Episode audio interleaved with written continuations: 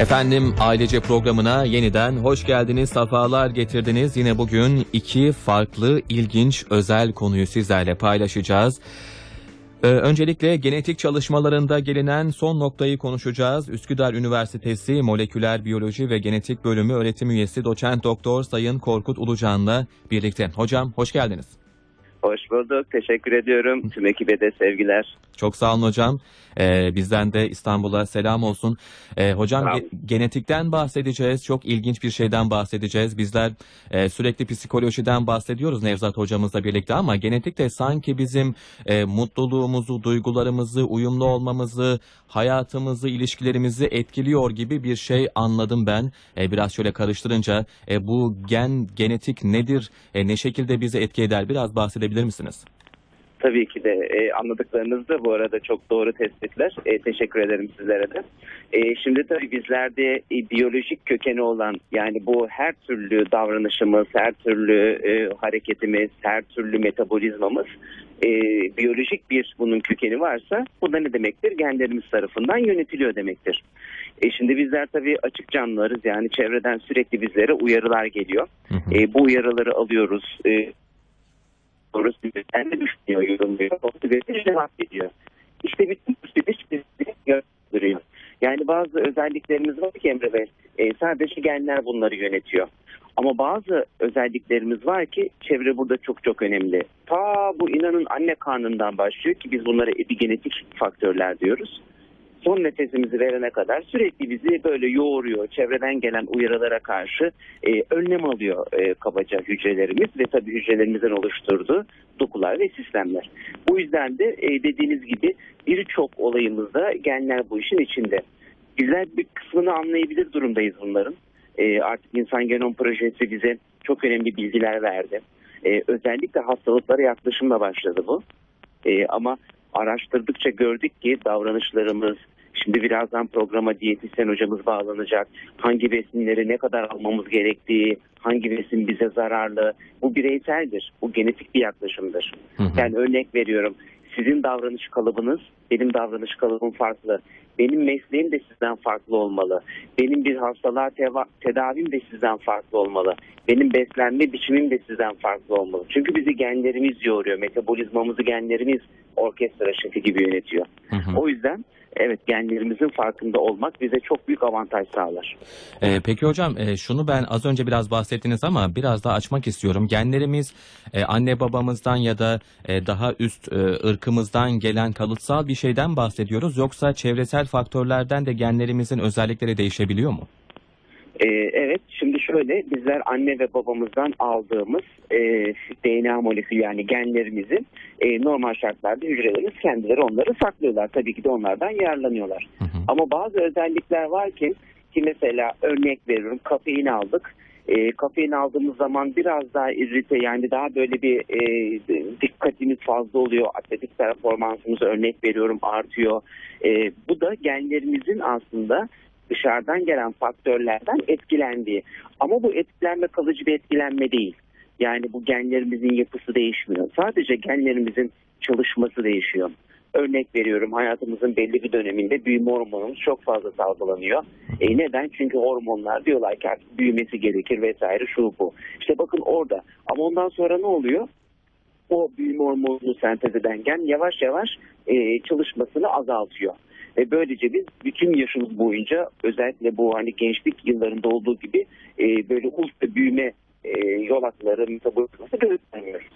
Evet. Bu yüzden çevreden gelen e, tüm uyarılar bizden etkiler bırakıyor. Ve şunu da söylemek tabii daha doğru olur. Hı hı. Bir de mutajen adını verdiğimiz bazı zararlı şeyler var ki kimyasallar. E, mesela ultraviyole ışık da bunlardan bir tanesi şu an sık sık maruz kalıyoruz. E, tabii belli bir e, miktarın üzeri, belli bir frekansın üzeri. Bunlar da DNA'mızda değişikliklere sebep olabilir. Hı hı. Bunlar daha tehlikelidir. Bunlar değil benim anlattığım. Benim anlattığım e, aldığımız dışarıdan e, ufak uyarılara karşı e, hücrelerimizin etki vermesi. Evet. Daha doğrusu tepki vermesi, tepki vermesi diyelim daha doğru olur. Evet. Hocam genetik bilimiyle ilgili çalışmaların hastalıkların e, yok edilmesiyle başladığını, bu şekilde biraz daha ivme kazandığını söylemiştiniz. E, şu ana kadar gen bilimi ne gibi sorunların önüne geçebildi peki? Evet. Yani artık biz hastalıklar daha başlamadan yatkınlıkları saptayıp ha evet bu bireyde şu tip sorunlar çıkabilir der durumdayız. Hmm. Bunu ne zaman diyoruz? Daha anne karnından yeter ki o e, şeyden e, embriyodan, fetüsten veya çocuk yeni doğduğundan ondan bir biyolojik numune alırsak biz bununla ilgili yorumlar yapabiliyoruz. Yani amacımız burada aslında kaliteli yaşam. Yani hastalık gelmeden onu engellemek. Ee, Emre Bey bakın bir hastalığa e, yakalanıp ondan kurtulmak çok daha pahalı ve çok daha sorunlu. Doğru. Hastalanmamak çok daha kolay inanın. Hı hı. E, ve bu bu tip genetik analizler artık devlet bunları çok güzel bir şekilde yapıyor. Özel kurumlar çok güzel bir şey yapıyor. Ömrünüzde bir defa yaptıracaksınız. Ve ömür boyu sizin kılavuzunuz. Hani yeni bir elektronik alet alırız ne yaparız? İlk kılavuzu okuruz. Niye? Çünkü bir defa okuyacağız. Aleti anlayacağız. Aldığımız e, makineyi veya neyse artık onun hakkında bilgimiz olacak. Hı hı. Aynı bu da böyle. Yani biz genetik analizler yapıp e, neye yatkınlığı var o bireylerin onu saptayabiliyoruz. Tedavi aşamasına gelince de buna biz Hı hı. farmakogenetik adını veriyoruz. Bireysel tıbbın bir alt koludur. Yani birey örnek veriyorum ikimizin de başı ağrıdı. Hı hı. E, aspirin aldık. Size daha iyi etki etti, bana daha iyi etki etmedi aspirin. Bunu çok yaşıyoruz. Sebebi e, o aspirinin etki ettiği metabolizma size daha uygun, bana daha az uygun. Benim ilacı değiştirmem lazım veya dozajını değiştirmem lazım. İşte genlerimiz bunlar hakkında bilgi veriyor. Hı hı. İşin bir üst boyutunda genlerin tedavisi. Yani şöyle ki genlerin tedavisi. E, yıllarca şununla uğra- uğraşıldı. Diyelim ki sizde e, Allah göstermesin e, mutant bir gen var ve sizi bir hastalığa yakalandırdı, sürükledi.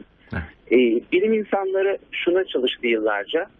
O genin sağlam kopyasını size işte virüsler veya farklı ajanlara yükleyip aktarmaya çalıştılar. Hı hı. Ama maalesef bu her zaman güzel sonuçlar verdi ama %100 doğrulukta sonuçlar vermedi.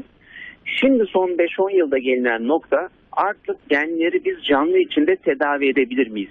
Buna e, DNA ameliyatları deniyor. Hı hı. E, bununla ilgili çok güzel gelişmeler var. E, çok güzel yaklaşımlar var. Hı hı. Yani Allah göstermese şimdi diyelim ki sizin karaciğerinizde bir genetik sorun oldu. Evet. Artık belki alüvar şeklinde minik e, robotlarla oraya müdahale edip daha canlı dokusunun içinde nokta atış müdahale yapılabilecek. Evet hocam. Peki hocam iyileştirme yapılabiliyor. Aynı zamanda gen nakli yapılabiliyor mu? Şimdi gen naklinde işte demin dediğim gibi bir gen terapisi yani genin Hı hı. aktarımı yıllarca çalışıldı. E, ama örnek veriyorum şimdi virüste siz sağlam geni e, aktarıyorsunuz ve virüsler konak seçmede çok iyidir. Hangi nereye gideceğini çok iyi bilir. Evet. Diyorsunuz ki örnek veriyorum bir kas hastalığı var git bunu kaslara ilet. Evet. Şimdi sorun şu kasları iletse bile bazen gen istediğimiz noktaya girmiyor. Başka noktalara giriyor. Bu bir sıkıntı. İkincisi bazen de virüsler e, ya bilerek ya bilmeyerek başka dokulara da giriyor. İstenmeyen dokulara giriyor ve istenmeyen reaksiyonlar veriyor. Hı hı. E, ve bu bir virüs veya bir farklı ajan olduğu için vücut da buna karşı aşırı bir immünite, aşırı bir reaksiyon gösteriyor. Bu da çok tehlikeli. Hı. O yüzden hani gen nakilleri şu an için e, yerini gen tedavilerine bıraktı diyebiliriz kabaca. An- Anladım. Bu arada hocam ilginç bir tevafuk da yaşadık. Benim karaciğerimde e, ufak bir sorun vardı. Siz de e, velev ki Aman, sizin aman. karaciğerinizde diye örnek verdiniz. İlginç bir tevafuk oldu e, diyelim.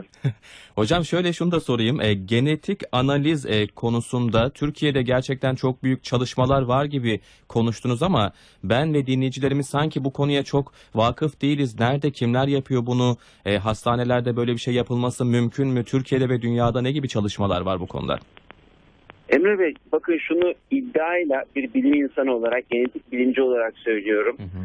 Dünya ile hiçbir farkımız yok bilgi ve uygulama bakımından. Bu konuda çok şanslıyız. Evet. E, neden? Hani özellikle bir 10-12 yıl önce e, devlet güzel yatırımlar yapmaya başladı bu konuya. Tek bir ufak farkımız kaldı. Onu da inşallah zamanla kapatacağız. E, belli kimyasal maddelere erişimde veya üretiminde, üretiminde biraz aksaklıklarımız var. Erişimde de biraz zaman problemimiz var. Ama mantık olarak, uygulama olarak, e, tedavi, genetik tedavi açısından.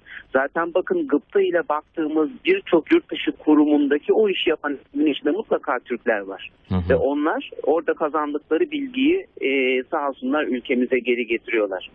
E, tek sorunumuz dediğim gibi artık internet de bu işi çok e, özellikle iletişimi e, sıfırladı. Yani artık iletişim sorunumuz da yok. Tek problemimiz Örnek veriyorum bir hastalığa yaklaşımda yeni bir kimyasal, yeni bir yaklaşım yapacağımız yeni bir alete, yeni bir e, yaklaşıma e, ihtiyacımız olduğu için olduğu zaman öyle söyleyeyim. Buna erişimde ufak tefek sıkıntılar, kaldı. Bunu da inşallah halledersek inanın kafa kafayız yurt dışıyla. Evet. Devlet kurumları, tanı merkezleri, özel kurumlar bunları çok çok iyi yapıyor. Mesela e, örnek veriyorum işte Marmara Üniversitesi'nde çok güzel bireysel artık tedavi bazında Üsküdar Üniversitesi bunu yıllardır yapıyor zaten bu işin lokomotiflerinden. Ya bunlar yapılabiliyor. Birçok saygıdeğer kurumumuz bunu yapıyor. Harika. Ee, hocam isterseniz bir de bir sonraki konumuzu zaten siz söylemiştiniz. Ee, biz yaz beslenmesini konuşacağız ama siz program başında biraz da bahsettiniz. Ee, diyetlere göre değil de yani herkesin uyguladığı diyetlere göre değil de genetiğimize göre beslenmemiz Evet. gerektiğini söylemiştiniz. Bu konuda e, daha önce mesela kan grubuna göre beslenme gerektiğini söyleyenler de oldu. E, genetiğe göre beslenmek nasıl olacak? Bunu nasıl becereceğiz? Biraz bundan bahsedebilir misiniz? Zaten bakın kan gruplarını verenler de genlerimiz. Aslında bu da aslında bir nevi genetiğe göre beslenmedir. Hı hı. E, şimdi Emre Bey, e, X diyeti diyorlar, Evet. e, Y diyeti diyorlar. Bakın bunlar bilimsel yaklaşımlar. Haddime de düşmez, ben diyetisyen değilim. Bunları burada e, yargılayamam. Şimdi vücudumuza biz Emre Bey ne yaparsak yapalım değişiklik, vücudumuz buna tepki verir. Birçoğu zaman eğer bu bizim için iyi değilse sert tepki verir. E, hatta e, klinik durumlar bile gözükebilir. Ama bazen belli bir yaklaşımlara karşı vücut bir tartar. Ve bu durum bize sanki aa bu bana yaradı e, gibi algılarız biz bunu. Hı hı. Ama daha sonrasında sıkıntılar çıkabilir maalesef. Ama e, bakın genlerimize göre beslenirsek zaten bizi e, geliştiren, bizi e, götüren, e, bize hayat veren genlerimiz. Bakın çok kısa bir örnek vereceğim. Buyurun. Bunu hep veriyorum. İnsanlar da seviyor ve rahat anlıyor diye bu örneği veriyorum. Buyurun. Şimdi kahveyi çok seviyoruz. Bizim kültürümüzde çok yeri vardır. Kahvesiz olmaz. Hı hı. E, kahvenin etken maddesi kafeindir biliyorsunuz ve kafein e, gerçekten biyolojik olarak çok büyük etkilere e, sahip olan bir molekül. E, bizlerin, şimdi kimilerimiz kafeini çok hızlı metabolize ediyor, kimilerimiz çok yavaş metabolize ediyor. Şimdi bunlarda bile yaklaşımımız bizim farklı olmalı. Çok örnek veriyorum siz çok hızlı metabolize edebiliyorsunuz. Yani zarar etkilerini vücudunuz çok çabuk dışarı atabiliyor. Sizler günde 4-5 kupa filtre yani 400-450 miligram kahve çok rahat çıkabilirsiniz. Bu size sıkıntı yaratmaz. Hı hı. Ama ben yavaş metabolize ediyorsam benim 80-90 miligramı geçmemem lazım. Bu bende sıkıntı yaratır. Bu sıkıntıyı direkt anlayamayabilirim. Ertesi güne böyle bir halsizlik, uykusuzluk, baş ağrısı vesaire hayat kalitemi düşürür. Evet. Bizler de hiçbir zaman ya bu kahvedendir demeyiz. Nedendir? Ha şunu yaptım ondandır. Üşüttüm, klima çarptı vesairedendir diye düşünürüz. Hı hı. Halbuki bakın çok ufak bir yaklaşım. Aynı de- şekilde laktoz intolerans olsun, aynı şekilde gluten hassasiyeti olsun. Bütün bunları genetik olarak bizler e, analizlerini yapıp e, diyetisyenlere veya klinisyenlere ilgili bilgiyi verebilir durumdayız. Hı hı. Bunlar bize daha bakın belki yüzde birindeyiz genetiğin. Evet. Belki de yüzde onundayız. Çok güzel bilgiler. E, yeter ki doğru kişiler tarafından analiz edip yorumlansın. Evet hocam. Ee, hocam çok teşekkürler. Şöyle ki sizi tabii ki bu haftalık e, veda edeceğiz ama e, çok uzmanlık alanınız var, alanlarınız var bu noktada. Örneğin spor genetiğinden bahsedemedik, bahsedeceğiz. Önümüzdeki haftalarda Evet. sizi tekrar konuk etmek isteriz. Zevkle Emre Bey. Çok teşekkür ediyorum. Biz çok teşekkür ederiz iyi hocam. yayınlar dilerim. Çok sağ olun hocam. İyi günler, kolay gelsin. İyi günler. Eksik olmayın. Ee, genetik çalışmalarında gelinen son noktayı konuştuk efendim. Üsküdar Üniversitesi Moleküler Biyoloji ve Genetik Bölümü öğretim üyesi doçent doktor Sayın Korkut Ulucan'la birlikte